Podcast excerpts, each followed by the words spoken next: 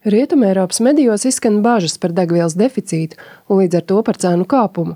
Latvijas degvielas tirgotāju asociācijas vadītājs Ojārs Karčevskis uzskata, ka Krievijas naftas produktu tirdzniecības aizliegums vismaz tuvākajos pāris mēnešos degvielu Latvijā vēl nesadārdzināšot. Izskaidrojums ir izveidotas rezerves, turklāt embargo vēl neatiecas uz naftas produktiem, kas jau sagatavoti eksportam pa jūras ceļiem.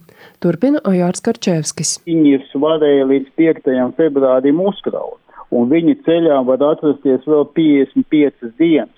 Līdz ar to mums ir pāragri vēl runāt par ietekmi. Katrā ziņā labi ir tas, ka šīs drudzis vai tādas gaidas, ko arī visi pamana, viņas ir rezultējušās tā, ka naftas cena krīt, un apstājusies arī pieaugums destilātiem, respektīvi benzīnam un dīzeļdegvielām.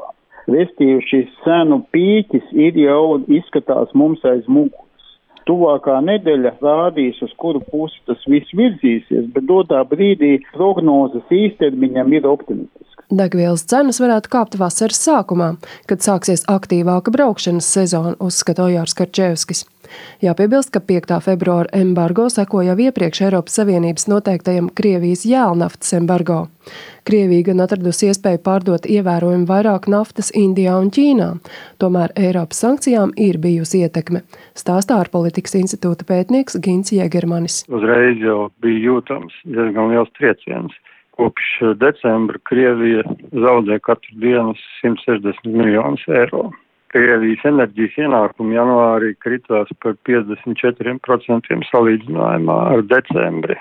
Un savukārt ienākumi ir mazāk par 46% salīdzinājumā ar pērno janvāri.